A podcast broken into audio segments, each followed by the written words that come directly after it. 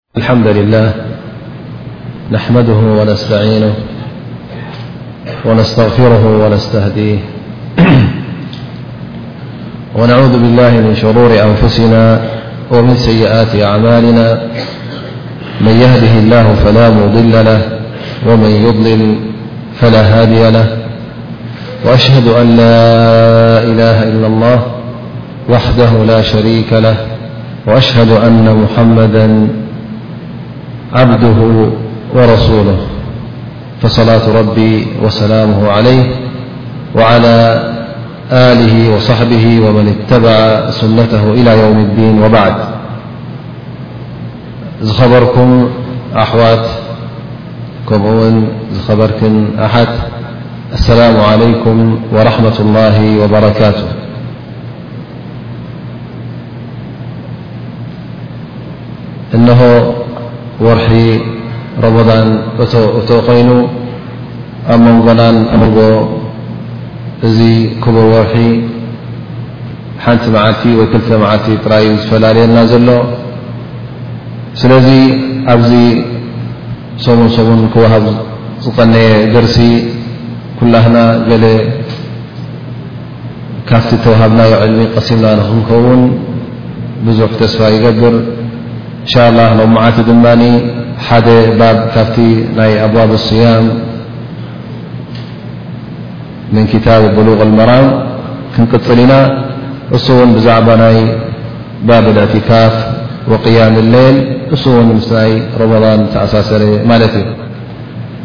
እንሻ ኣላ እዚ ናይ ሎምዓልቲ ደርሲ ድማ ናይ መጨረሻ ደርሲ ይኸውን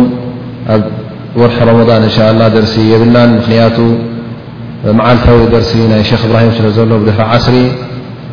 ስለዚ እሕና ድሕሪ ዓስሪ ክንገብሮ እንተ ኮይኑ ምስቲ ናይ ሸክ እብራሂም ምስ ሰዓታት ክገራጮ ስለ ዝኽእል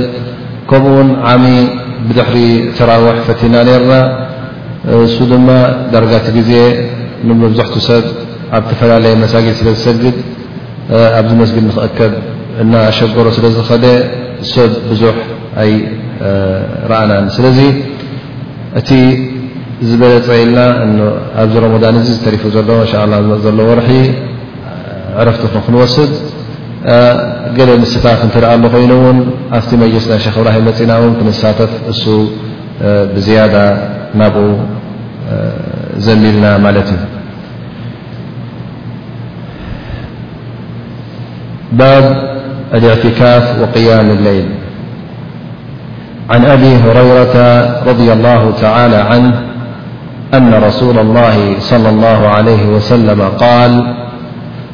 من قام رمضان إيمانا واحتسابا غفر له ما تقدم من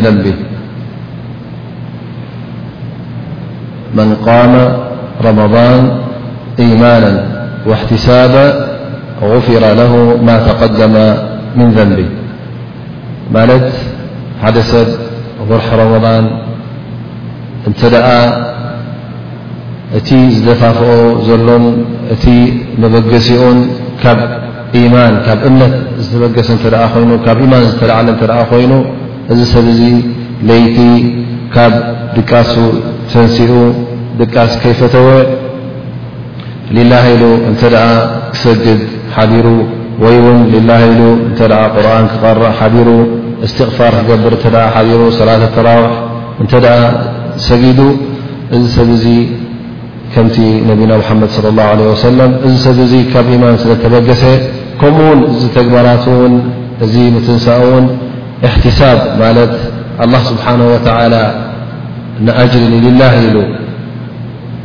ኣጅሪ ክቁፀረሉ ኢሉ እንተ ተበጊሱ ኣላ ስብሓን ወተዓላ ነዚ ናቱ መበገሲ ርኡ እቲ ዝሓለፈ ዘንቡ ኩሉ ይድምስሰሉን ይስርዘሉን እዩ ይብል ነቢና ሙሓመድ ለ ላ ለ ወሰለም ስለዚ እዚ ኣብዚ ወርሒ እዚ ምሉእ ለይቲ ብዝከኣለካ መቸም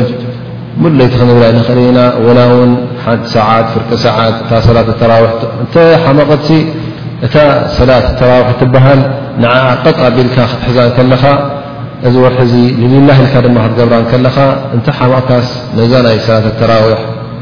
ምስ እትገብር ኣላ ስብሓን ወተዓላ እቲ ዘንብኻ ይቕፍረካ እንተ ክኢልካ ውን ተወሲኽካሉ ፅቡቕ እዩ ማለት እዩ ሰላ ተራዊሕ ኣብ መስጊድ ሰድካ ብድሕሪኡ እውን ኣብቲ ግዜ ናይ ኣሽሑር ኣብኡ እንተ ቅድሚ ሽሑር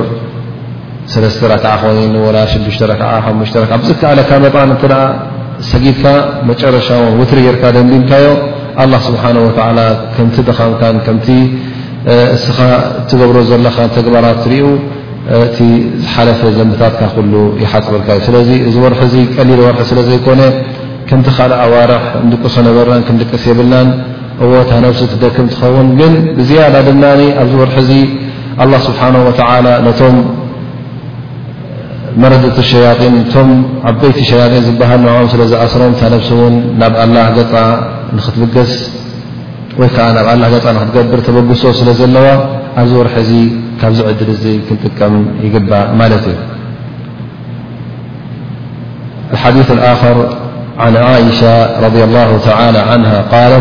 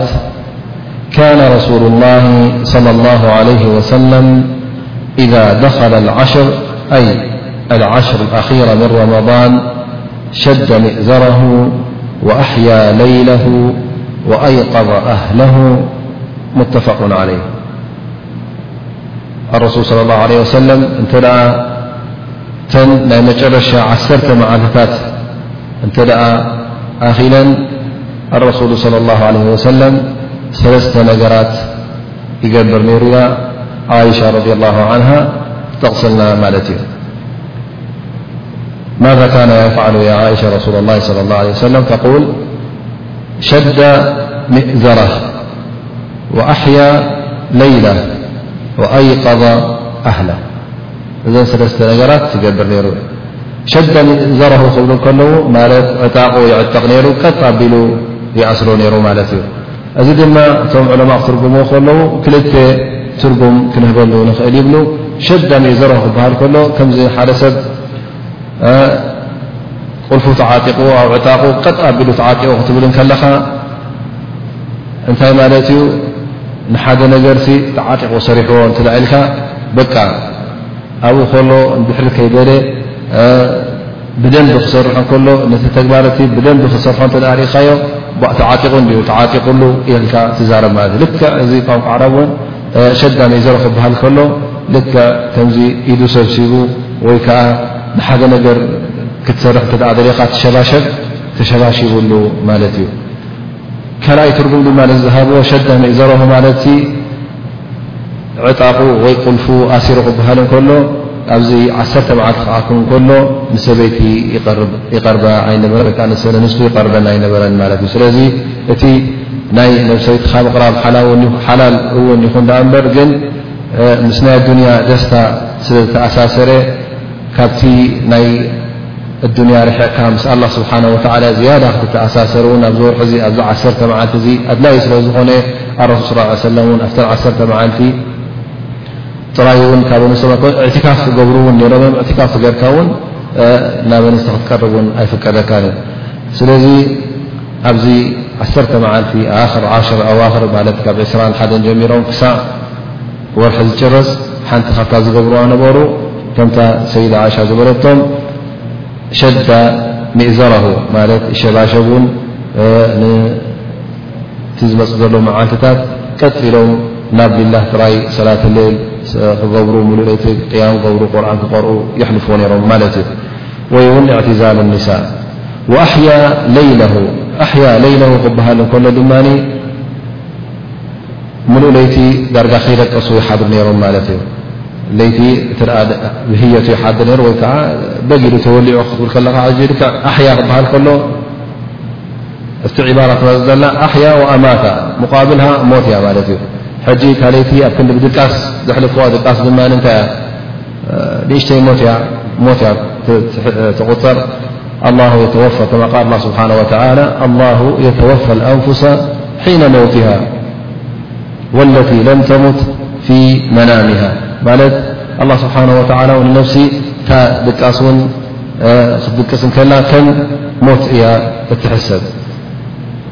ስለዚ ኣሕያ ለይለሆ ክበሃል እንከሎ ከይደቀሱ የሕልፍዎ ነይሮም ማለት እዩ እዚ ለይቲ ከይደቀሱ ክሕልፍዎ ከለዉ ድማ ዕላል ክዕልሉ ኣይኮኑ ቴሌቭዝዮን ክርእዩ ኣይኮኑ ወይ እውን ጠላዕ ክፃወቱ ኣይኮኑ ወይ እውን ኣብ እንዳሻሂ ክዕልሉ ሓዲሮም ማለት ኣይኮነን እወ ኣለዉ ብዙሓት ኣብ ወርሒ ሮመዳን ሙሉእ ለይቲ ከይደቀሱ ዘሕልፍዎ ግን ኣብ ምንታይ ኻ ተሕልፎ እሱ ዩ ትፍልልይ ዝረአ ዘሎ ኣነ እውን ሙሉእ ለይቲ ከይደቀስኩ የ ዝሓድር ክብለካ ክእል ዩ ዝኾነ ሰብ ግን እንታይ ክትገብር ትሓድር ኣብዚ ሙሉእ ለይቲ ቁርን ክትቀርእ ዲኻ ትሓድር እስትቕፋር ክትገብር ዲኻ ትሓድር ዱዓ ክትገብር ዲኻ ትሓድር ዕልሚ ክትዕለም ዲኻ ትሓድር ቁርኣን ክትቀርእ ዲኻ ትሓድር፣ ሰላት ክትሰግድ ዲኻ ትሓድር፣ እንታይ ክትገብር ኢኻ ትሓድር፣ እሞ ምሉእ ለይቲ ኮፍ ኢልካ ትሓድሮስ እንታይ እዩ እቲ ምኽንያት፣ ንሊላህ ኢልካ ክቁጸር እንተ ኮይኑ ኣጅር ዘለዎ እንተ ኮይኑ ኣብዚ ክቡር ወርሒ እዚ ምሉእ ለይቲ ትሓድርሉ ዘለኻ እቲ ኩሉ ዝንብታትካ ክቕፈረልካን ክትመሓር እንተ ደሊ ኮይንካ እዚ ለይቲ እዚ እንታይ ኢኻ ትገብር ትሓድር ዘለኻ ስለዚ ኣያ ለይለ ኩላና ኣብዚ ዓዲ ምናዳ ዳርጋ ሙሉእ ለይቲ ከይደቀሰ ዘሕልፎ ሰብ ግን እቶም ሊላህ ኢሎም ኣብ ዱዓን ኣብ ዚክርን ኣብ እስትቕፋርን ኣብ ሰላትን ዘሕልፍዎ ውሕዳት እዮም። ስለዚ ንሕና ኩላህና ንጠንቀቕ እቲ ናይ መኽሰብ ዝኾነ ሰዓታት ሰዓታት ለይቲ እዩ። ኣብ ሰዓታት እዚ ድማ ቀጥ ኢልካ ናብ ኣላ ስብሓን ወተዓላ ክትውጃህ እንከለኻ ብዙሕ ትርፍን ብዙሕ ፃማን ትረኽበሉ ኢኻ። ከምኡ ውን እታ ሳልሰይቲ ኣይቀض ኣህላ ምናልባሽ ገለገለ ሰባት ውን ኣላ ስብሓን ወላ ዝሃቦም ንነብሶም ቀጥ ኣቢሎም ሕዝዋ ኾኑ ይትስእ ይሰግድ ድዓ ይገብር ግን ንስድራ ቤት ውን ይርስዕ ማለት ኣብዚ ኸር ዚ ክሳተፍ ውን ንዕኦም ኣይደፋፍኦምን ማለት ዩ ክድቅሱ ከለዉ ስቂሉ ይርኦም ግዜ ስቂሉ ውን ንሓለፎም ከሎውን ስገዱ ኣይብሎምን ወላ ውን ኣብ ካልእ ኣብ ስራሕ ኣብ ናይ ገዛ ስራሕ ኣብ ዘይጠቅም ብቐትሪ ክስራሕ ዝግብኦ ብለይቲ እናተሰርሐ ኣብ ክንዲ ምስ ኣላህ ስብሓነሁ ወተዓላ ተናንስቲ ዘሕልፍኦ እዚ ሰዓታት እዚ ለይቲ ኩሉ ኣብ ናይ ሓፀብኩዶ ወልወልኩዶ ኣበልኩዶ ኢልካ እናሓለፈ እዚ እውን እታ ጓል ኣንስተይቲ እውን ክጥቀመሉ ዘለዋ ሰዓታት ስለ ዝኾነ እስኻ እውን ክትሕግዛ ከም ዘለካ እዩ ዝዕረሱ ስ ሰለም ንበይኖም ጥራይ ኣይኮኑን እዚ ኸይር እዚ ሒዞሞ ሱቕ ዝብሉ ነይሮም እንታይ ደኣ ንንገዛእ ርእሶም ተሲኦም ዱዓ እናገበሩ ከለዉ ሙሉእ ለይቲ እናሰገዱን ቁርን እናቐርኡን ክሕልፍዎም ከለዉ ነታ ሰበይቶም ንበዓል ቤቶም ይኹኑ ነቶም ምስኦም ዘለዉ ስድራ ቤት ደቆምን ይኹኑ የተስእዎም ነይሮም ማለት እዩ ክድቅሱ እውን ይገድፍዎም ኣይነበሩን ምክንያቱ እንተ ደኣ ናይ ብሓቂ ንውላድካ ንሰበይትኻ ትፈትዎም እንተ ደኣ ኮይንካ ኸይር ናቶም ትደሊ እንተ ኮይንካ እታ ዝበለፀት እንታይ እያ እታ ጀና እያ እሞ ናብታ ጀና እትወስድ መገዲ ኣብኣ ክትሕብሮም ከለኻ እዩ እቲ ናትካ ፍቕሪ ናይ ብሓቂ ፍቕሪ ከም ምዃኑ ዝርድኣካ። ገለ ገለ ሰባት ምናልባሽ ንውላዱ ይኹን ንሰበይቱ ርሒሞም ዋእ ድሕትዒቦም እንዲኦም ውዒሎም ይደቅሱ ዝብል ኣይሰኣንን። ግን ግዜ ናይ ድቃስ ምሉእ ዓመት ኣሎ ሰብ ይድቅስ እዩ ዘሎ ሕጂ እንተ ዘይደቀሰት እውን ድሕሪ ሰዓት ድሕሪ ክልተ ሰዓት ድቃስ ኣብ ዝኸደካ የብሉን ግን እቲ ሰዓታት ናይ መቕፊራ እቲ ኣጅርታትካ ዝድረበሉ ሰዓታት ይጠፍእ እዩ ዘሎ ስለዚ እስኻ ይኹን ስድራ ቤትካ ይኹን ራሕማ እተ ኣለካ ኮይኑ በዞም ደቅኻ ዝያዳ ትፈትም እተ ኮንካ ራሕማናካ ክትርኢ እተ ኮንካስ ኣብዚ ሰዓታት እዚ ነዚ ሰዓታት እዚ ነዚ እዋናት እዚ ናይ ለይቲ ሰዓታት ክጥቀምሉ ከም ዘለዎም ክትሕብሮምን ክደፋፍኦምን እዩ ዘለካ ዳኣ እንበረይ ይደቅሱ ሕጅስ ደኺሞም እዮም ምዒዶም ክሰርሑ እዮም ዒዶም ክትሰርሕ እያ ውዒላ ክትሓፅብ እያ ውዒላ ኢልካ ኣብኡ ክትዝንብል የብልካን ማለት እዩ። እቲ ቐንዲ ራሕማን እቲ ቐንዲ ፍቶትን ኣበይ ዝረአ ማለት እዩ እቲ ብዝያዳ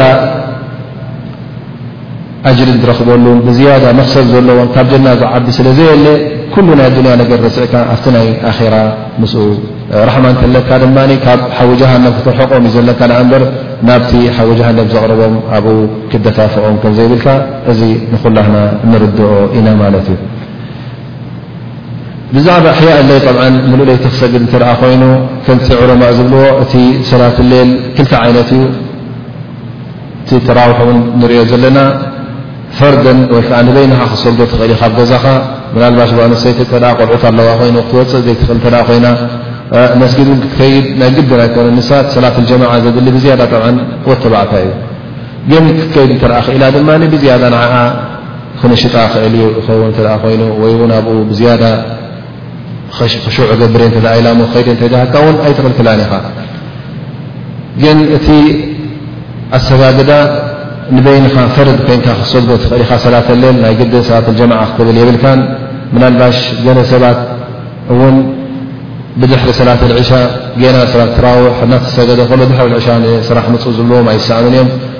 ስለዚ እዚ ሰብ እዚ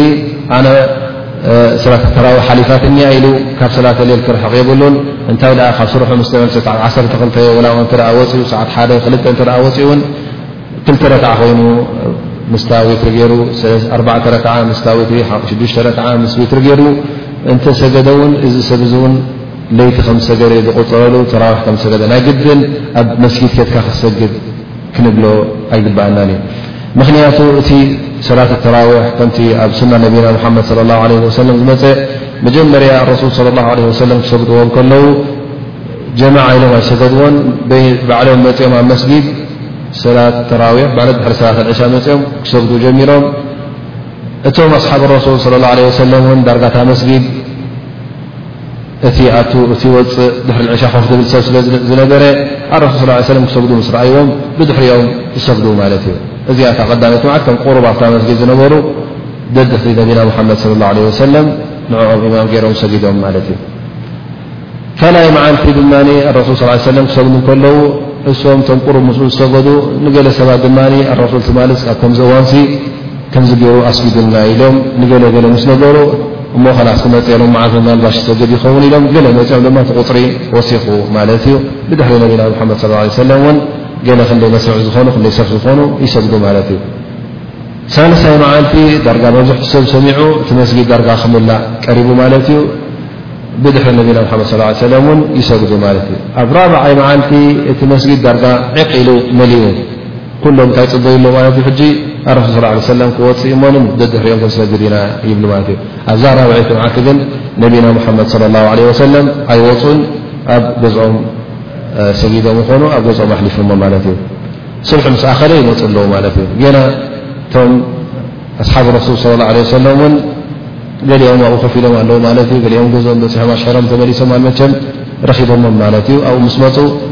ኢሎሞም ኣነ እኮ ሎምዓንቲ ኣብ ገዛ ኣብቲ መስጊድ ኮፍ ኢልኩም ትጽበዩኒ ከም ዝነበርኩም እፈልጥ ኣለኹ ኢሎም ግን ኣነ እዚ ነገር እዚ ኣብ ግዜ ከሎ እንተ ኣከታትልና ጌርናዮ እተ ደድሕሪ ሰጊድኩም ልክዕ ከም ፈርዲ ንክይቁፅር እዚ ምኽንያት እዚ እዩ ንዓይ ክውፅዓኒ ዘይከኣለ ስለዚ ኣነ ንዓኹም ከየኽብደልኩም ነታ እማ ናተይ ድማ ብድሕረይ እዚ ዓይነት ዒባዳ ብለይቲ ከምዚ ዝኣክል ሰዓታት ንኽትሰግድ ዋጅብ ፈርዲ ንኸይኮና ኢለ እየ ትማሊ ዘይወጻእኩ ይብሉ። ስለዚ ብድሕሪኡ ምውጻእ ገዲፎሞ ማለት እዩ። እቲ ሰላት ናይ ጀማዓ ዝስገድ ዝነበረ ንሰለስተ መዓልቲ ምስ ተሰገደ ኣቋሪጹ። ብድሕሪኡ ኣረሱል ሰለላሁ ዓለይሂ ወሰለም ምስ ሞቱ ኣብ ግዜ ኣቡበክር እውን ሓሊፉ ግዜ ሰይድና ዑመር ምስ ኮነ ሰይድና ዑመር ሓደ ግዜ ብድሕሪ ሰላት ኣልዒሻ ሰጊዶም ምስ ወፁ እንደገና ድማ ክዞሩ እንከለዉ ዕሻ ምስ ሰገዱ ብመስጊድ ምስ ሓለፉ እንተረኣዩ ኣብዚ መስጊድ ሰብ መሊኡ ይሰግድ ማለት እዩ ክሰግዱ ከለዉ ግን ሓደ ንበይኑ ይሰግድ ሓደ ክልተሰለስተ ሰብ ሒዙ ይሰግድ ሓደ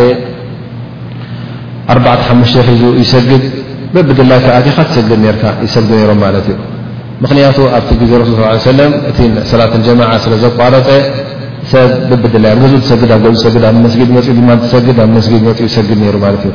ሰይድና ዑመር ነዚ ነገር እዚ ምስ ረኣየ እቲ ቅድሚ ሕጂ ዝፍራህ ዝነበረ ድማ ማለት እንተ ኣብ ግዜ ረሱል ተገይሩ ሓደ ነገር ወይ ሱና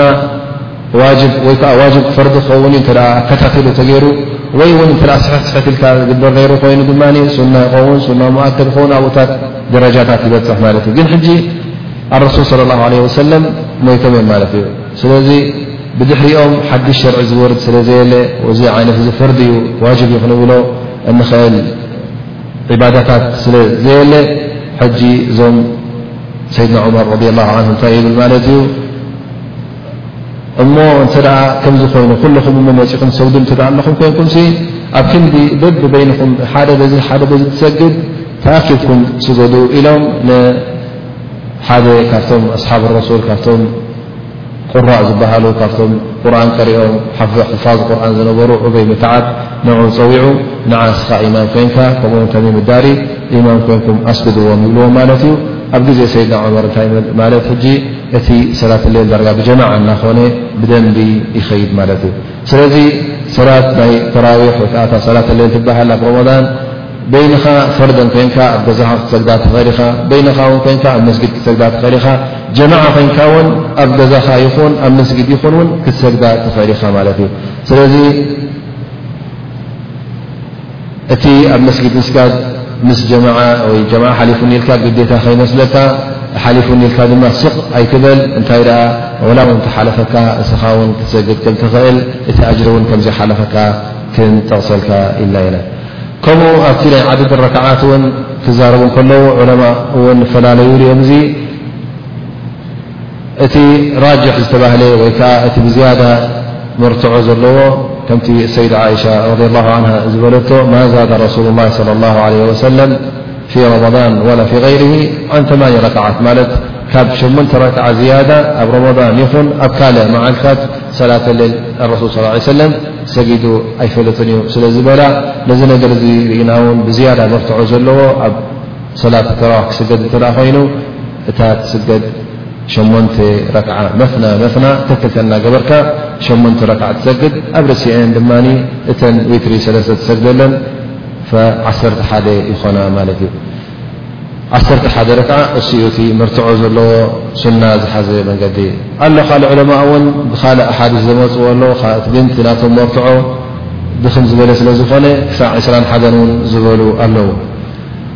ዝኾነ ይኹን ግን እቲ ዕስራን ሓደን እውን ባጥል እዩ የለን ክንብሎ ኣይንኽእልን ኢና እቲ ይስገድ እዩ እቲ እውን ይስገድ እዩ ማለት እዩ ግን እቲ ብዝያዳ መርትዖ ዘለዎ እቲ ቁኑዕ እንብሎን ተረጋገፀ መርትዖ ዝሓዘን ናይ ዓሰርተ ሓደ ረክዓ ማለት እዩ ሸሞንተ ምስ ሰለስተ ጌርካ ክትሰግድ እንከለኻ ዓሰርተ ሓደ ረክዓ ሰጊድካ እዚ ሰላት ተራዊሕ ጨሪስካ ማለት እዩ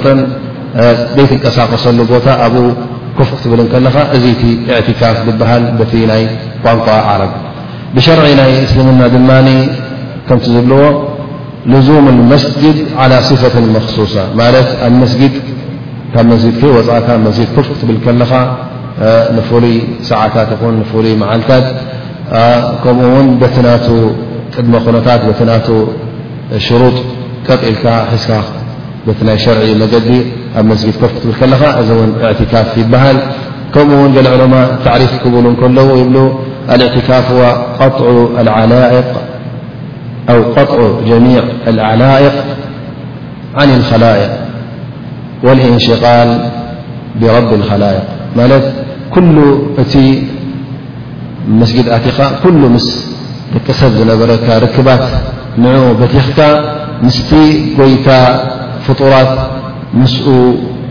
ክትራኸብ ብእኡ ድማ ብዝያዳ እንሽቓል ክትገብር እንከለኻ እዚ እዩ እቲ እዕትካፍ ዝበሃል ይብሉ። ስለዚ እዕትካፍ ክበሃል እንከሎ ኩሉ እቲ ናይ ኣዱንያ ነገር ካብ ኣዱንያ ነዛ ነብስኻ ቁርፅ ኣቢልካያ ምስ ኩሉ ሰብ ዘለካ ርክባት ቆሪፅካ እንታይ ትገብር ኣለኻ ማለት እዩ እቲ ርክብካ ሓደ ርክብ ትገብሮ ምስ ኣላህ ስብሓን ወተዓላ ምስኡ ንዑ ክትዱዓ ክትገብር ንዑ ክትዝክርን ንዑ ክትስብሕን ንኡ ክትውድስን ንኡ ከተመስግንን ንኡ ክትሰግድን ቁርን ክትቀርን ኣብዚ ክተሕልፎ ከለኻ ኩሉ ርክባትካ ምስ ሰብ ዝነበረ በቲኽካ ናይ ስድራኻ ይኹን ናይ ኩሉ ንዓኻ ኣብ ኣዱንያ ዘገድስ ዝነበረ ንኡ ኩሉ ቁርፅርፅርፅ ኣቢልካ ንፍለይ መዓልትታት ምስ ኣላ ስብሓን ወተዓላ ኣነስ ሕጂ እዛ ነብሰይ ልላህ ኢለ እቲ ኩሉ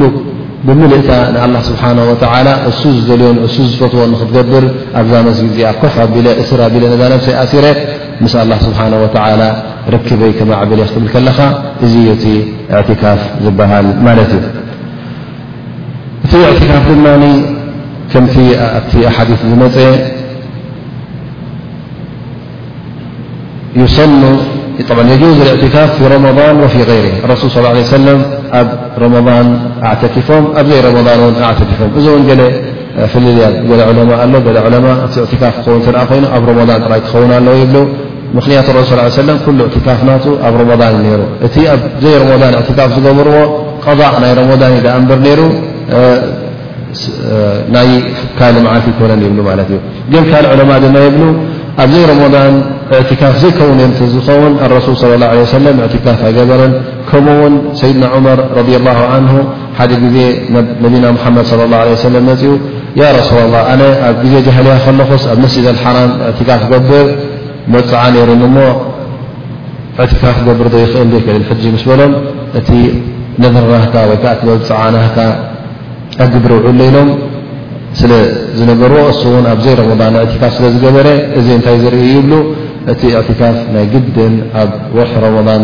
ክኸውን ኣለዎ ኣይንብልን ኢና ግን እቲ ዝበለፀ ኣብ ወርሒ ረመዳን እዩ ኣብዘይ ወርሒ ረመዳን ትኾነ እውን እቲ ዝበለፀ ንትሱናን ፅንካ ክትገብሮ እዩ ትዝሓሸ ይብሉ ግን ቶም ፍቆሃ ዝብልዎ እዕትካፍ ክበሃል እንከሎ እዚ ወላ እውን ሰለስተ ሰዓት ንኣርባዕተ ሰዓት ንዓሰርተ ሰዓት እዕትካፍ ክትገብር ትኽእል ኢኻ ፁም ኣይትፁም እዕትካፍ እዩ ዝበሃል ምኽንያት እስኻ ኣብዚ ኩነት እዚ ኣወይከ ኣብዚ ኩነታት እዚ ካብ ኩሉ ናይ ፍጡራት ናይ ኣዱንያ ነገር ርሕዕካ ኣብታ መስጊድ ኮፍ ኢልካ ምስ ኣላ ስብሓን ወተላ ኣነስ ንክንዲዚ መዓልቲ ንክንሰዓት ኮፍ ክብል የልካ እተ ንያ ጌርካ እዚ እውን እኹል እዩ ዝብሉ ኣለዉ ግን እቲ ሱናዊ ዝኾነ ናይ ኣረሱል ስለ ላ ለ ሰለም ኣከታቲሎም ዝገብርዎ ዝነበሩን ተገዲሶም ኣብ ግብሪ ዘውዕሎ ዝነበሩን ኣብተን ዓሰርተ ናይ ኣዋክር ዓሽር ኣብተን ናይ መጨረሻ ዓሰርተ መዓልታት ካብ ዕስራን ሓደን ረመዳን ክሳዕ መጨረሻ ረመዳን እሱ እዩ እቲ ሱናዊ ወይ ከዓ መገዲ ሱና ዝሓዘ እዕትካፍ ክንብሎ እንኽእል እሱ ድማ ናይ ግድን ኣብ መስጊድ ክኸውን ኣለዎ እቲ መስጊድ ድማ ከምቲ ዑለማእ ዝብሎ መስጊድ ጃምዕ ክኸውን ኣለዎ ብሕልፊ እተ እዚ ሰብ ዚ ሰብኣይ እተ ኮይኑ ምኽንያቱ እተ ጃምዕ ሰላት ጅምዓ ዘይስገዶ እተ ኮይኑ ንክሰግድ ኢሎ ካብዚ መስጊድ እ ናፍቲ ሓደ መስጊድ ንኸይከይድ እዕትካፍ መጀመርያ ክገብሩ ከሎ ኣብቲ ሰላት ጅምዓ ዝሰገደሉ መስጊድ ኣብኡ ክገብሮ ኣለዎ ይብሉ ل عለء ድ ይብ እዚ اካፍ مሳاجد ثلثዩ ብ ኣለ ت ኣብ مسجد الحرم مك ኣብ مسجد النبو ኣ مدن ኣብ مسجد الأقص ኣبت رأي ዝውን ዝበل الو ن እت مرتع مزحت عمء ኣ ዝኾن مسجد كتقبر اتكف ትخእل ኢ سلذي الرسول صلى الله عليه وسلم ن اعتكاف جبرو كلو أب مسجدم يجبر نرم أبز اعتكاف جمر دمن كمت مجمر حادث تغصناي إذا أراد أن يعتكف صلى الفجر ثم دخل معتكفة والمقصد سيد عائشا ل لا دحر فجري ت معتكفنم الرسل صلى الله عليه وسلم أب መስጊዶም እዕቲካፍ ክገብሩ እንከለዉ ኣብቲ ውሽጢ መስጊድ ከምዚ መጋረዲ ገይሮም ንእሽተይ ኼማ ይግበረሎም ነይሩ ማለት እዩ ስለዚ እቲ እዕቲካፍ ዝጅመረሉ ግዜ ፈጅሪ ዕለት እስራ ሓደን ኣይኮነን እንታይ ደኣ ለይለት ሓዲ ብዕሽሪን ማለት ካብ መቕሪብ ጀሚርካ መቕሪብ ዮም ኣልዕሽሪን ሎም መዓልቲ ንኣብነት ንበሎ እንተ ሎም መዓልቲ ዕለት እስራ ኮይኑ ፅባሕ ዕለት እስራ ሓደን ኮይኑ ሎም መዓልቲ ካብ መቕሪብ ጀሚርካ ፀሓይ ዕርብ ክትብል ከላ ወይ ከዓ ፀሓይ ክዓርብ ከላ እተ መፅእካ ካብዚ እዋን እዚ ክትጀምር ኣለካ ይብሉ ምክንያቱ ሌላ እታ ለይቲ ምስታ መዓልቲ ቅድሚያ ትመፅእ ለይቲ ምስታ ድሕሪያ ትመፅእ መዓልቲ ምስ ተኣሳሰረት ስለ ዝኾነት ስለዚ ትዕትካፍ ዝጅመረሉ ናይ ብሓቂ ካብቲ ዕለት ሌለት ሓ ዕሽሪን ማለት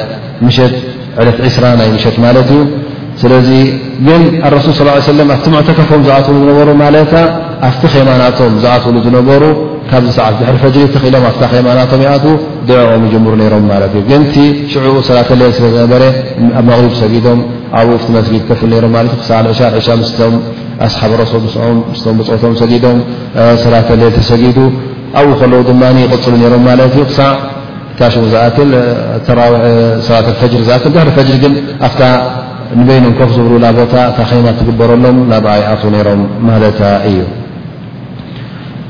ረሱል صለ ላه ለ ወሰለም ክሳዕ ዝሞቱ ነዚ ነገር እዚ እውን ቀፅ ኢሎም ሒዞሞ ነይሮም ማለት እዩ ዓመት ዓመት እንተ መገሻ ዘይመፆም እተ غዙ ጅሃድ ኢሎም እተ ዘይወፁ የሕልፍዎ ኣይነበሩን ወላ እውን እተ ብመገሻ ብምክንያት ናይ መገሻ ኣብ ውሽጢ መዲና ዘይነበሩ እተ ኮይኖም ውን ምስ ተመልሱ ውን ይቀድዎ እዮም ነሮም ስለዚ እዚ ነገር እዚ ኣረሱል ስለ ላ ለ ሰለም ቀጥ ኣቢሉ ይሕዞ ካብ ነበረ ሱና ሙኣከዳ ከም ምኳኑ ብልፀትን ፈድልን ከም ዘለዎ ድማ ብጣዕሚ ዘረጋገፀልና ይኸውን ማለት እዩ ኣረሱል ስ ለ ሰለም ውን ምስ ሞቱ እተን ኣንስቶም ርድዋን ላህ ዓለይህና በርዱ ብድሕሪኦም እውን ኣብ መስጊድ ኣዕተኪፈን ማለት እዩ እዚ ድማ እንታይ ርእካ እቲ እዕትካፍ ንወተባዕታይ ጥራይ ከም ዘይኮነ ጓል ኣንስተይቲ እውን እዕትካፍ ክትገብር ከም እትኽእል ግን ምስቲ ሸወት ናቱ ማለት እዩ እንተ እዚ መስጊድ እዚ እክትላጥ ዘይግበሮ እተ ኮይኑ ሓወስ ወይ ፍሉይ ቦታ እተ ኣለዎም ኮይኑ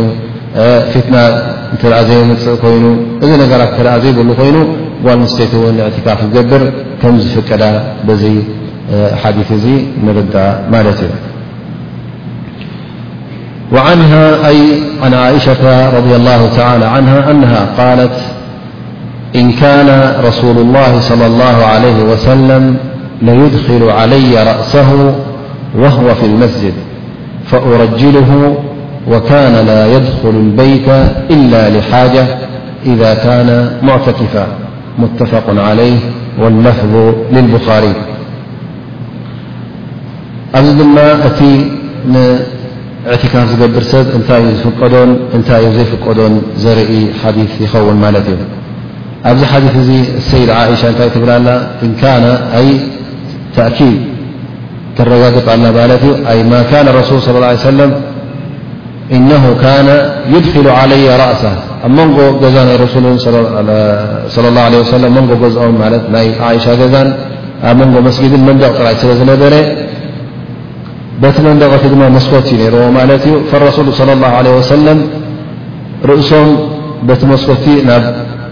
ገዛ ናይ ዓእሻ የመሓላልፎ ነይሮም ኣብኡ ድማ ሰይድ ዓእሻ ንርእሶም ናይ ነቢና ሙሓመድ ስለ ላ ሰለም ትሓፅበሎምን ትምሽጦምን ነይራ ማለት እዩ ስለዚ እዚ ሓዲት እዚ እንታይ ይርኢ ብሉ ዕለማ ቀዳማይ ነገር ካብ ነብስኻ ገለ ኢትካ ወይ ርእስኻ ወይ ፍርቂ ነብስኻ እንተወፀ ካብ መስጊድ ካብ መስጊድ ዝወፃኻ ኣይትቁፅርን ኢኻ ማለት እዩ ማለት እዚ ሰብ እዚ ትዕቲካፍ ናቱ ኣይበጠልን እዩ እተ ካብ መስጊድ ርእሱ ጥራይ ወይ ኢዱ ጥራይ ወይ እግሩ ጥራይ እተ ወፅኡ ምክንያቱ ረሱል ስ ሰለም ርእሶም ኣብ ዕቲካፍ እንከለዉ ርእሶም የውፅዎ ስለ ዝነበሩ ከምኡ እውን እንተ ስድራ ቤትካ ሰበይትኻ እተ ትልዕለካ ወይ ትክድበካ ወይ ገለ ስራሕ ትሰርሓልካ እተ ኣላ ኮይና ወይ ውን ኣብኡ ከሉ ብዘይሸኻ እተ ተንኪፋትካ ነቲ ዕቲካፍ ናህካ ውን ከምዘየብጥል የርኢ ማለት እዩ ወረሱል ስ ላ ሰለም ካነ ላ የድኹሉ በይተሁ ማለት ንገዝኦም ይኣትዉ ይነበሩን ኢላ ሓጃ እንተ ኣድላይ ነገር ኣሎ ኮይኑ ወይ ከዓ ኣገዳሲ ነገር ንኦም ኣድላይ ዝኾነ ነገር እተ ንክሕፀቡ ዋጅብ ኮይኑ ነብሶም ክሕፀቡ ወይ ከዓ ቀልቀል ክኸዱ እተ ኮይኑ እስትንጃ ክገብሩ ኣብ መስጊድ ክገብሮ ዘይትኽእል ነገር እተ ኮይኑ እዚ ነገር እዚ ንክትገብር ይፍቀደካ እዩ ክትወፅእ ማለት እዩ ንካልእ ነገር ግን ኣይፍቀደካን እዩ ዝኾነ ይኹን እተ ተረኺቡ ክትወፅእ ይብልካን ግን ኣድላይ ነገር ወዲሰብ እተ ብልዒ ኣብ መስጊድ ክተእት ወይ ከዓ ዘይትረክቦ እተ ኮይንካ ንከይጠሚ ክትበልዕ ትወፅእ ማለት እዩ በሊዕካ ትመለስ ኣብ መስጊድ ድማ እስትንጃ ክትገብር ወይ ከዓ ቀልቀል ኮይኑ ወይ ከዓ እተ ሓሚምካ ተምላስ ን መፅ እኳ ኣብ ሞዕትካ ክድልኸልካ መሲለ ተረስሐን ኢ እንታይ ደ ውፅ ኢልካ እቲ ዘለካ ነገር እተ ውፅኡካ ተምልስ ማለት እዩ ወይ ከዓ ዝኾነ ይኹን ነቲ መስጊድ ዝንጅስ ነገር እተ ኮይኑ ንኡ ንክትሰድድ ኢልካ ወይ እውን እተ ተፀሊኡካ እሞ ንኣብነት ክትሕጎም ኣለካ ወይ ከዓ ክትጠብሓ ኣለካ እዛ ቦታ እተ ተባሂልካ ኣብ ውሽጢ መስጊድ ኣብ ውሽጢ መስጊድ ክትጠብሕን ደም ከተፈስስን ስለ ዘይፍቀድ ውፅኢ ኢልካ እዚ ነገራት እዚ ክትገብር ንደሩራ ወይ ከዓ ኣድላይ ነገር ትኣ ስለ ዝኾን ነብስኻ እዙ ንጥዕናኻ ይኹን ወይ እውን ንህየትካ ማለት ብዘይ ማይ ብዘይ ብልዒ ከምኡ ውን ናይ ባህርያዊ ነገራት ኣሎ ካባኻ ክፍለ ዘይክእል እዚ ነገራት እዚ ንክትገብር እተ ኮይኑ ይፍቀደካ ግን ካልእ ነገር ንክትገብር ክትወፅእ ኣይትኽእልን ኢኻ ማለት እዩ። ከምኡ ውን ከምቲ ዝረኣናዮ ኣብ ዳክል ኣብ ውሽጢ መስጊድ ውን ንእሽተይ ከማ ንእሽተይ ውስን ዝበለ በንሶላ ጌርካ ወይ ከዓ ብዝኾነ ጨርቂ ጌርካ እስኻ ኮፍ ትብለላ ብዝያዳ ካብቲ ዝኣትን ዝወፅን ሰብ ምስኦም የማን ፀጋ ምስ ዝኾነ ሰብ ንኸይትዛረብ ኢልካ ንበይንኻብኣ ኮፍ ኢልካ መ ቁርን ትቐርኣላን ትሰግደላን ክትኮነልካ እተ ውስንቲ ቦታ ጌርካ ውን እዚ ኣረሱል ص ه ሰለ ስለ ዝገበሮ ንእሽተይ ኼማ እትመስል ዝገብሩ ኺባ እቲያ ትበሃል ብቋንቋ ዓረብ እገብሩ ስለ ዝነበሩ እስኻን ከምኡ ተገበርካ እዚ ነገር እዚ ይፍቀድ እዩ ማለት እዩ ፍራሽካ ከተምፅእ ድቅሰሉ እዚ ኩሉ ነገር ፍቁድ እዩ ማለት እዩ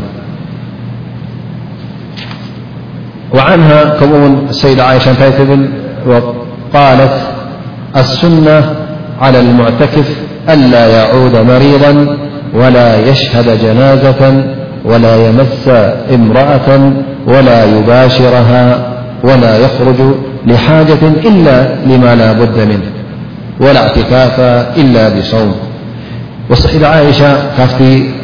ዝቐሰምኦ ትምህርቲ ውን ክጠቕሳ እንከለዋ እንታይ ይብላ ኣሱና እቲ ሱና ናይ ነቢና ሙሓመድ صለ ላه ለ ሰለም ክጠቕሳ ከለዋ እቲ ናቶም እዕትካፍ ይብላ ኣሱነቱ ኣላ የዑዳ ማሪضን ከምኡ ውን እዚ እዕትካፍ ዝገበረ ሰብ ኣብ እዕትካፍ ዘሎ ሰብ ውን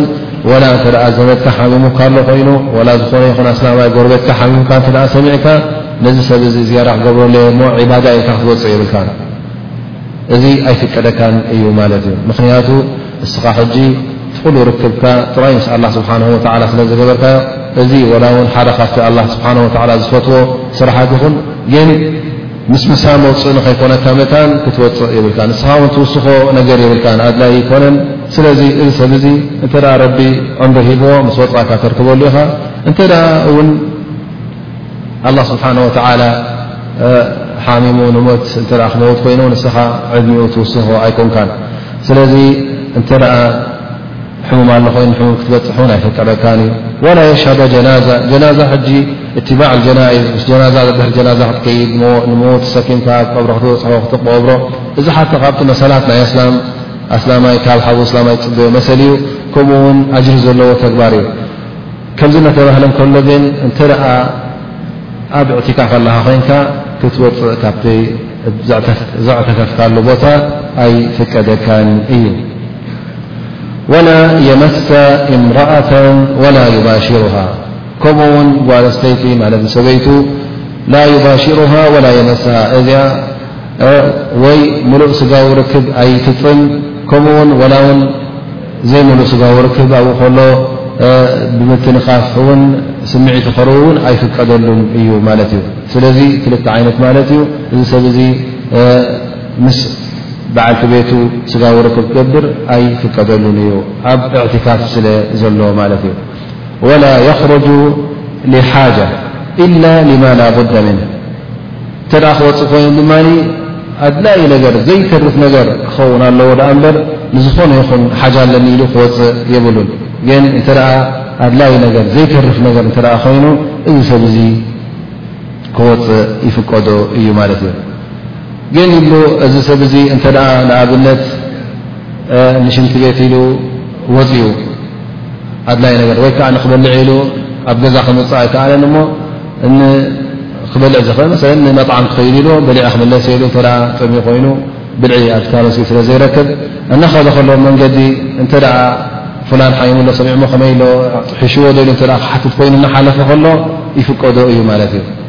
ግን ንዕኡ ኢሉ ክወፅእ የብሉን ላኪነ ይምኩን ኣን የስኣል ኢዛ መራ ዓን ሓሊ ማለት እናሓለፈ ከሎ ንወዲ ረኺብካ ንዝፈልጦ ሰብ ንጎረቤት ረኺብካ እሞ ኣንታ ፍላን ከመይ ሎ ሒሽዎ ዶ ኢልካ እንተሓተትካ ምንም ሽገር የብሉን ምክንያቱ ንስኻ እቲ ዘውጻእካ እሱ ኣይኮነን ግን ንእግሪ መገድኻ ብኣፍካ ተዛረብካዮ ስለ ዝኾነ እዚ ይፍቀድ ይብሉ ምክንያቱ ንስኻ እታ ዘውጻእትካ ሕጂ እታ ኣድላይት ነገር ዘይትርፍ ነገር ናይ ብልዒ ነገር ስለ ዝኾነት ኬትካ በሊዕካ ክሳዕ ትምለስ ኣብ መንገዲ እንተሓተትካሉ ብዛዕባ እዚ ሕሙም እዙ ምንም ሽግር የብሉን ይብሉ ማለት እዩ ወላ እዕትካፋ ኢላ ብሰውም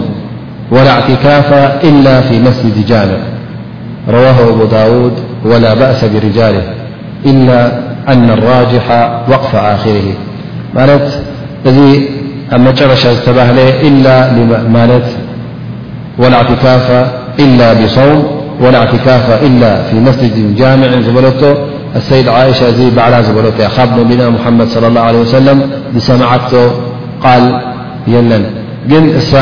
እተረዳኣቶ ካብቲ ካልእ ሓዲሳትን ዝወሰደቶ ክኸውን ይኽእል እዩ ካብቲ ናይ እስልምና ኩሉ ዝተረዳኣቶ ወይ ከዓ ካብቲ ግብርታት ናይ ረሱል ስ ላ ሰለም ትሪኦ ዝነበረት ይኸውን በዚ መሰረት እዚ እሳ ዝበለቶ ቃል እያ ይብሉ ዑለማ ማለት እዩ ስለዚ እቲ እዕትካፍ ብፆም ክኸውን ኣለ ክኸውን የብሉን ኣብ ዑለማ ብዙሕ ፍልልያ ኣሎ ገለ ዑለማ ክትፀውም ኣለካ ናይ ግድን ይብሉ ገለ ዑለማ ድማ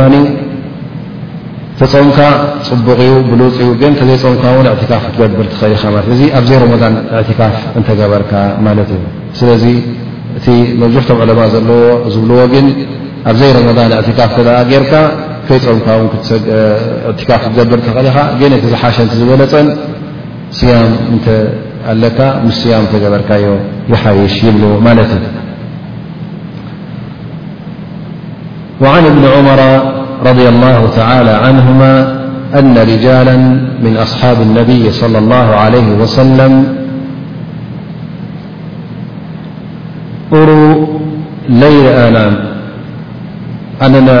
أصحاب النبي - صلى الله عليه وسلم أروا ليلة القدر في المنام في السبع الأواخر فقال رسول الله - صلى الله عليه وسلم - أرى رؤياكم قد تواطأت في السبع الأواخر فمن كان متحريها فليتحرها في السبع الأواخر متفق عليه ذا حديث م بعبة حر فت أب وح رمضان ركب عبيد سرى لو ليت ك عبيد اللا لو ليت ني ليلة القدر تقس حديث ي ملت ي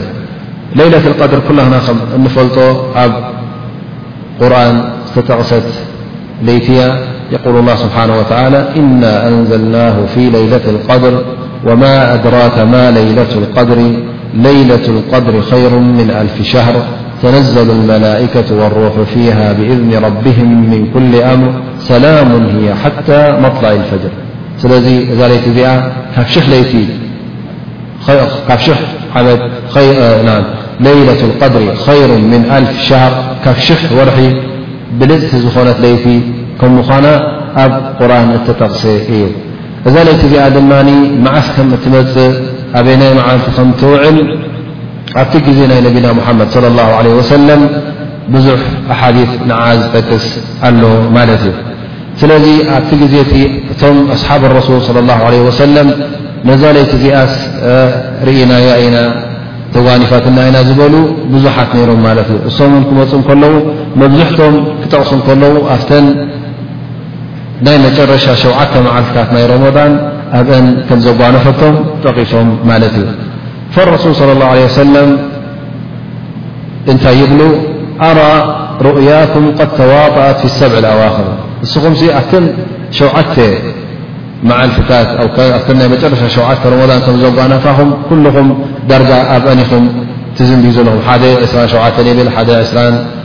ሓሙሽተ ሓደ ዕስራን ትሽዓተን ኣብኡታት ስለ ዘለኹም ሓደ ዕስራን ሽዱሽተ እውን ዝብል ኣይሰን ሕጂ ተን ቀንዲ ዝብላ ዘሎ ኣብተን ሸውዓተ መዓልትታት ናይ መጨረሻ ማለት ካብ ዕስራ ሰለስተን ጀሚርካ ወይ ካብ ካብ ዕስራ ሰለስተን ጀሚርካ ክሳዕ መጨረሻ ወርሒ ማለት እዩ ፈረሱል ስ ሰለም እቲ ናብቶም ሩኡያ ርኡ እስኹም ኣብዞን መዓልቲ እዚአን ረኣናያን ርኢናያን ካብ በሃልኩ ካብ በልኩምሲ ስለዚ እንተ ሓደ ሰብ ነዛ መዓልቲ እዚኣ ወይ ከዓ ነዛ ለይቲ እዚኣ እጅትሃድ ክገብር እተ ኮይኑ ኣብኣ ክቃለሰላ ንዓ ንክረክ ክቃለስ እተ ኮይኑ ኣብተን ሸውዓተ መዓልታት ክደልያን ክእልሻን ኣለዎ ይብሉ ማለት እዩ ምክንያቱ ምብዝሕቱ እቲ ናይቶም ኣስሓብ ረሱል ስለ ላ ለ ወሰለም ኣብዘን ሸውዓተ መዓልቲ እዚአን ኣበን ስለ ዘተኮረ ማለት እዩ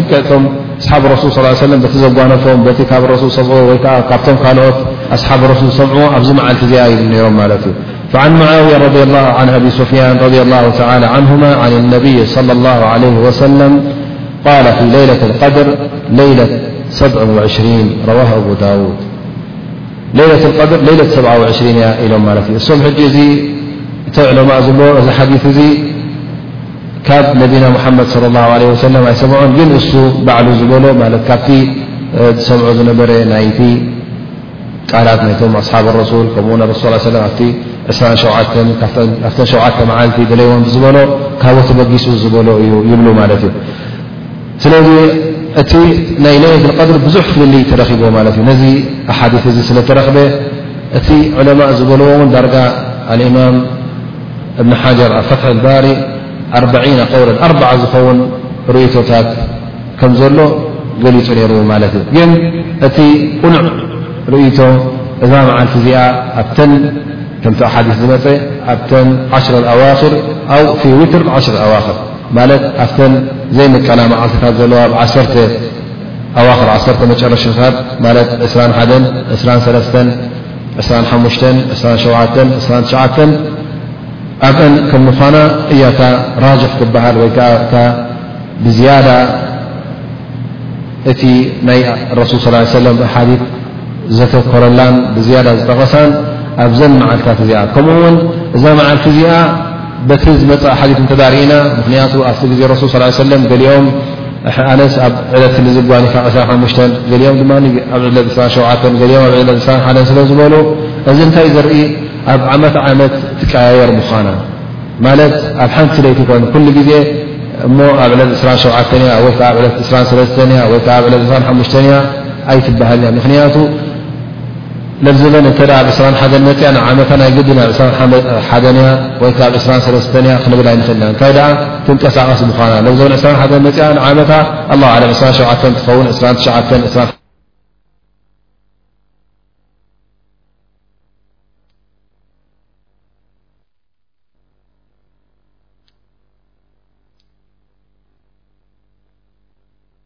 ምዃና እዮም ዝገልፁ ማለት እዩ ስለዚ እንተ ሓደ ሰብ ነዛ ለይቲ እዚኣ ክተጓንፎ ትግሃትን ድልትን ኣለዎ ኮይኑ ብዝያዳ ኣብዘን መዓልታት እዚአን ኣብተን ዊትር ናይ ዓተ መዓልታት ዓሸ ኣዋክር ኣበን ክደልያን ኣብአን ድማ ብዝያዳ እቲ ዕባዳናቱ ኣብኡ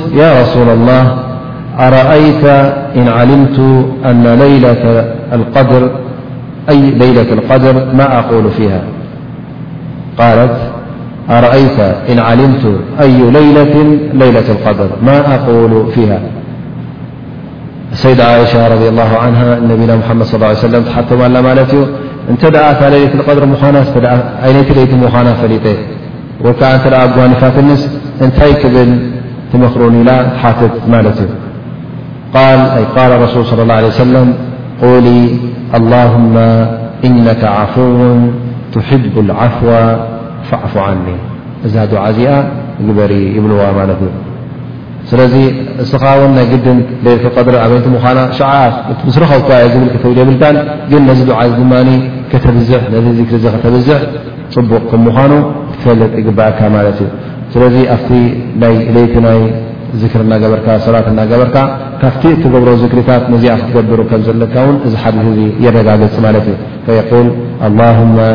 ኢነከ ዓፉውን ትሕቡ ልዓፍዋ ፋዕፉ ዓኒ ኢልካ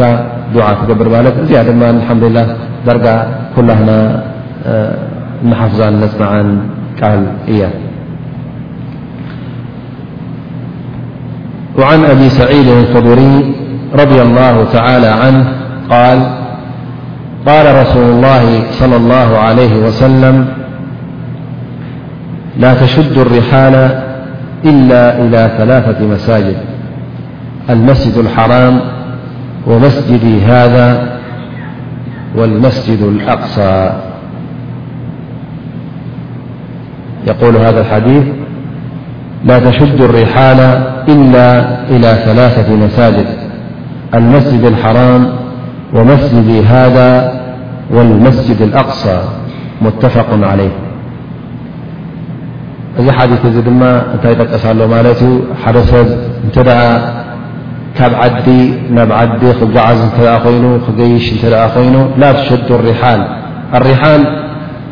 ጀምዑ ራሓል ራሓል ክበሃል እንከሎ ብቋንቋ ዓረብ ልከ ኮረቻ ናይ ገመል ማለት እዩ ትሸዱ ሪሓል ትርበጥ ትእሰር ማለት እዩ እተ ሓደ ሰብ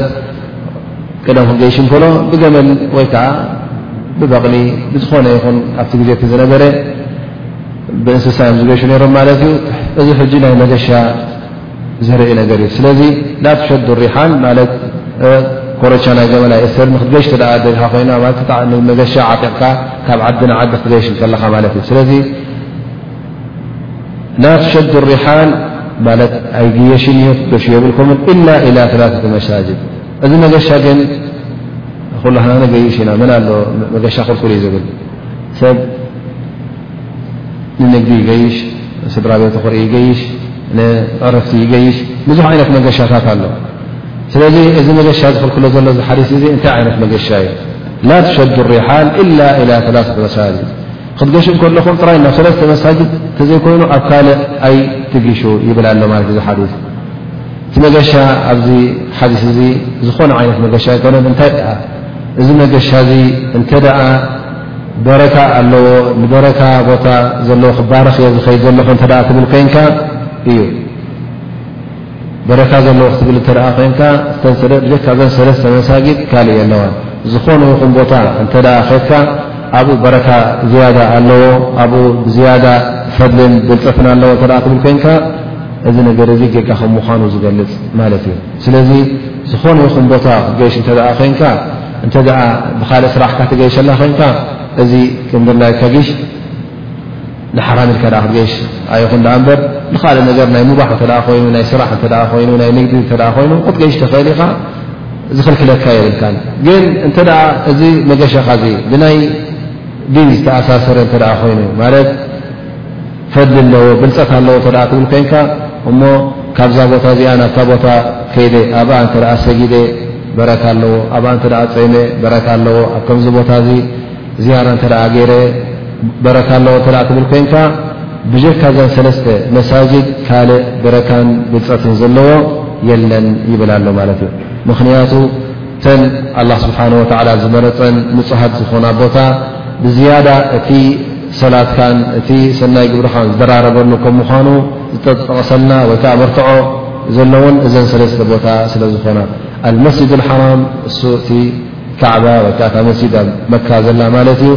እሳ ኣብኣ እተ ክትሰግድ ኮንካ ኣላ ስብሓን ወተላ እቲ ሓንቲ ሰላት ኣብ ካልእ ትሰግዳ ኣብኡ ብሚት ሽሕ ድሪቡ ከም ዝሓስበልካ ኣላ ስብሓን ወተላ እዚ ብካልእ ሓዲ ዝተረጋገፀ ማለት እዩ ወመስጅዲ ሃ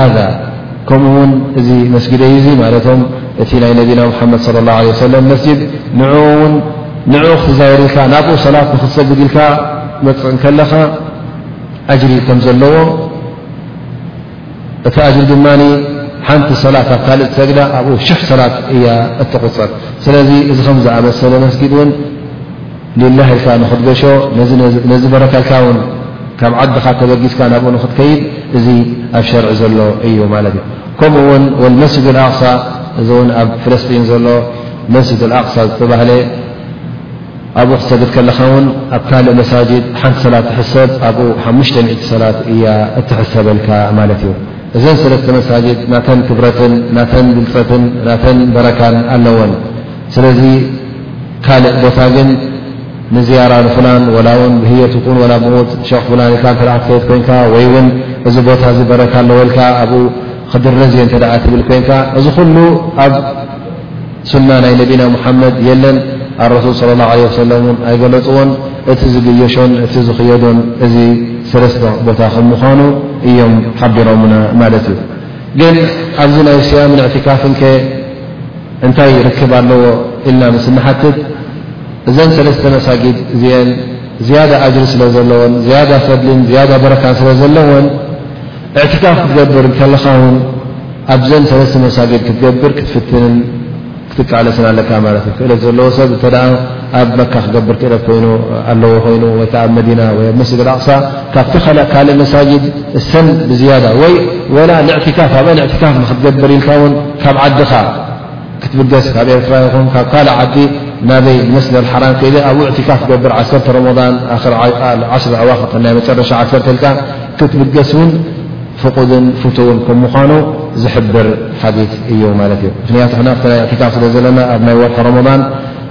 ስለ ንዛረብ ዘለና እዚ ወርሒ እዚ ወይ ከዓ እዘን ቦታታት እዚአን ኣብዚ ወርሒ እዚ መፅእካ ክትገሽ ንያ ጌርካ ክትገይሽ ካብ ወፃኢ ክትመፅእ ዝያዳ ኣጅሪ ከም ዘለዎን ዝያዳ ፈድሊ ከም ዘለዎን ዝጠቅስ ይኸውን ማለት እዩ። ተቕሪበን ናይ ሎም መዓልቲ ደርሲ ዳርጋ ኣብዚ ይጭርስ።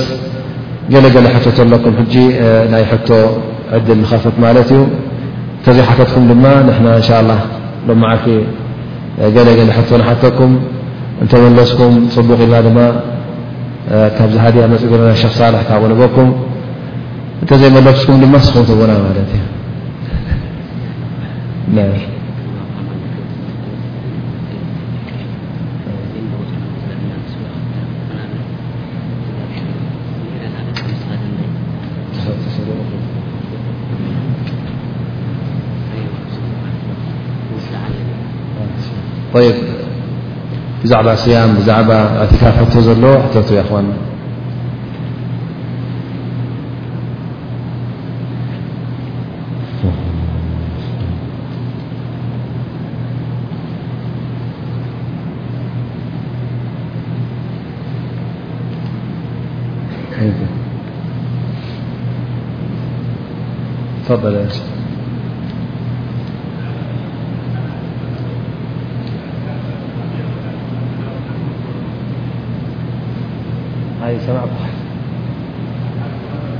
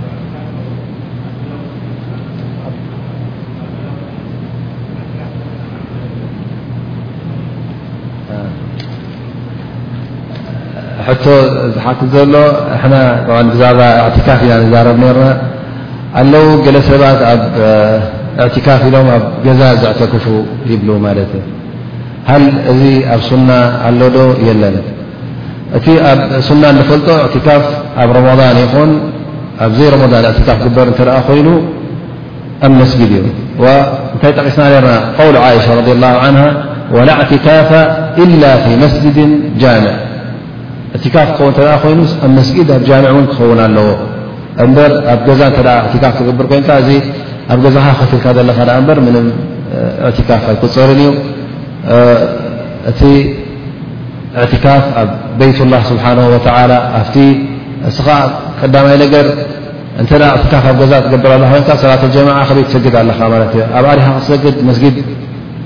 ኣላሁ ኣክበር ኢሉ ሓይ ዓላ ሳላ ሓይ ፈላ እናተባካ መተፀዋዕካ ከለካ ሰላት ጀማዓ ገዲፍካ ኣብ ጥቃካ መስጊድ ከሎ ዲካ ኣብ ገዛ ክትሰግድ ወይስ ንክትሰግድ ኢልካ ውን ክትወፅእ ማለት እዩ ንመስጊድ ስለዚ እንተ ኣቲካ ክትግበር ኮይኑ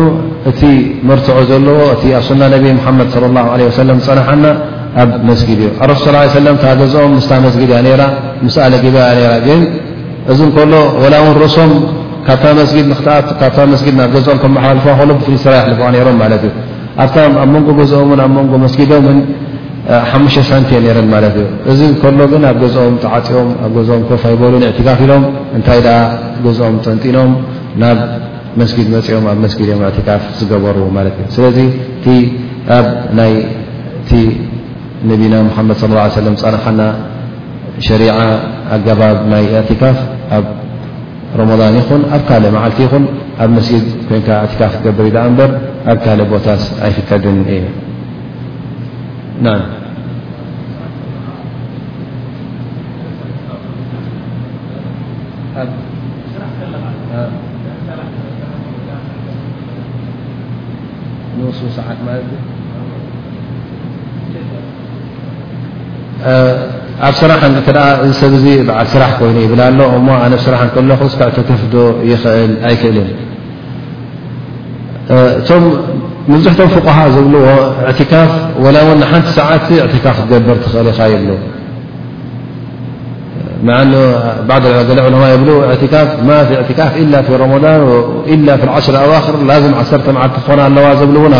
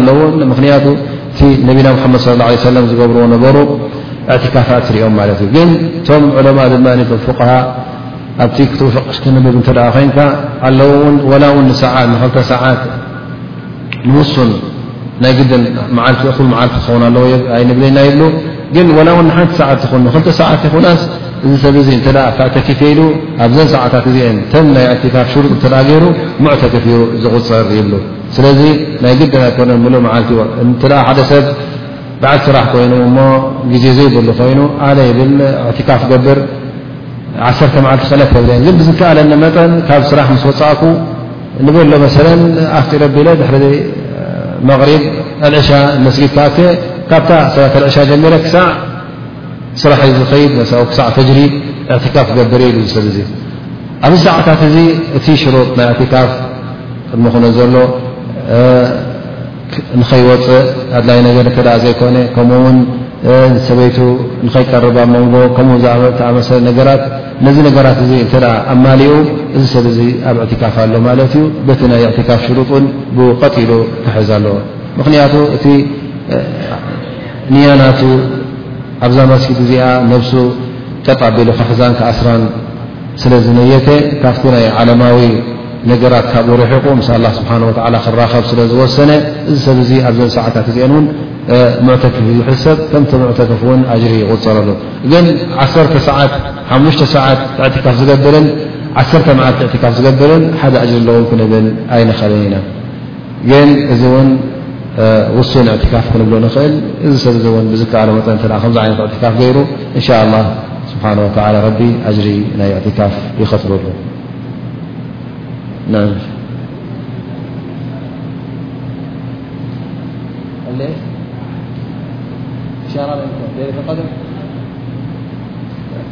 ዓላ ኩል ሓል ለይለት ቀድር መብዝሕቱ እቲ ንፅባሒቲ ዝመፅእ እቲ ዝያዳ እሻራ ዝርከብ እብልኻ ፀሓይ ክትወፅእ ከላ ፀሓይ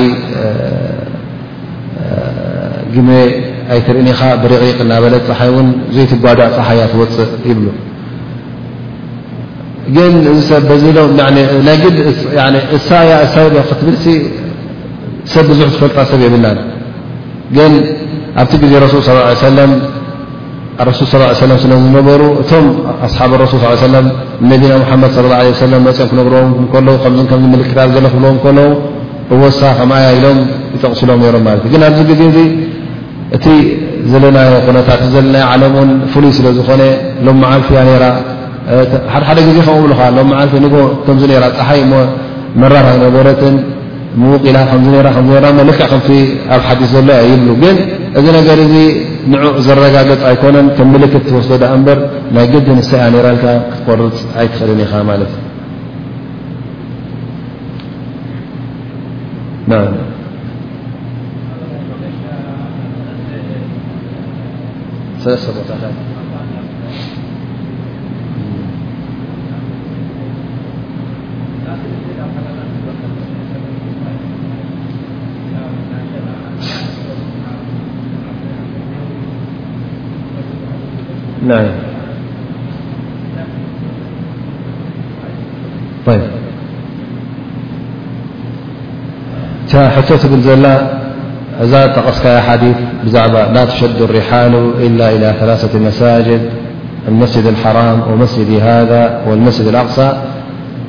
ብዛዕባ ሕቶ ለንብላ ኣሎ እዛ እዘን ሰለስተ ቦታታት ፈለጥና ኣለና ግን ንሕና ኣብ ዓድና ኣለና ንገይሽ ኢና ይብል ንኣብነት ሸክ ኣሕመድ ነጃሺ ኢልና ካብ ስመራ ኮይኑ ካብ መንደፈራ እተቡሳት መሪእና ንኸይድ ዝያራ በረካ ኣለወ ኢልና ከምኡ ውን እንዳ ሸኽ ኣደም ወይ ከዓ እንዳ ሸኽ ፍላን ኢልና እውን ንኸይድ ኢና እዚ ነገር እዚ እውን በረካ ኣለዎ ኢልና ብልፀት ኣለዎ ኢልና ኢና ንብገስ ስለዚ ከመይ ይመስለካ እዚ ምስቲ ናይ ሃገርና ይገራጮ ድዩስ ወይስ ከመይ ኢሉ እቲ ሕቶ ቀሪቡ ዘሎ ማለት እዩ ኣብዛ ክታብ እውን ነዛ ነገር እዚኣ ጠቒስዋ ይብል نسمتخلمن شرحينا ديثوالمعنى لا تسافر لقصد التبرك وحصول الفضل إلا إلى ثلاثة مساجد وهو دليل واضح على حرمة السفر إذا كان لزيارة الصالحين أحياء وأموات لقصد التبرك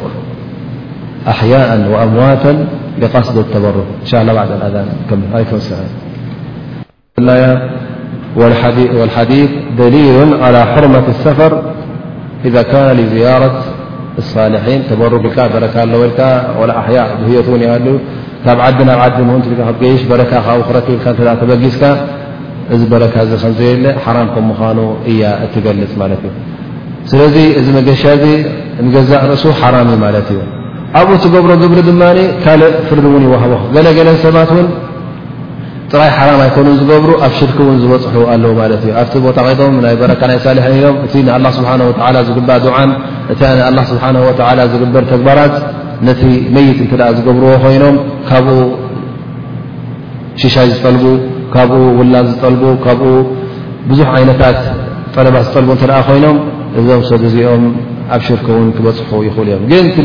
መገሻ ንገዛእ ርእሱ ንበረካልካ ትገሾ ሓራም ከም ምኳኑ እዛ ሓዲስ እዚኣ መርትዖ እያ ማለት እዩ ግዜ ከይሓልፈና እንሻ ላ ተ ናና ሕቶታት ክንኣቱ ማለት እዩ ኣብ ዝሓለፈ ደርስ ብዛዕባ ሓደ ሰብ እተ ፀዋማይ እተ ተምላስ መፅዎ ክልተ ውሳኔ ከም ዘለዎ ጠቒስና ሓደ ስለዚ ታሕቶ ፀዋማይ እተ ኣምሊሱ እንታይ ንብል ኣፍጢሩ ዶ ንብል ወይስ ኣየፍጠረን ን ኣወል መረፋ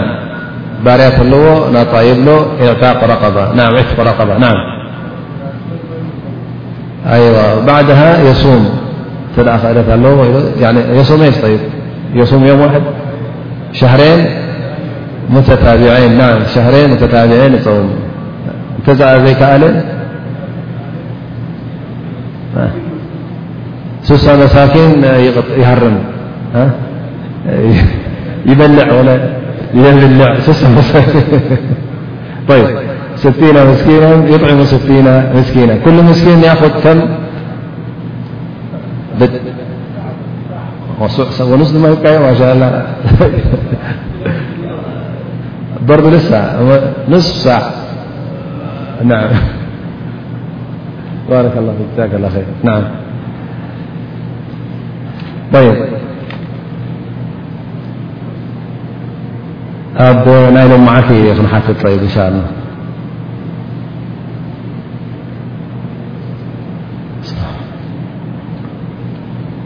اللهلنسب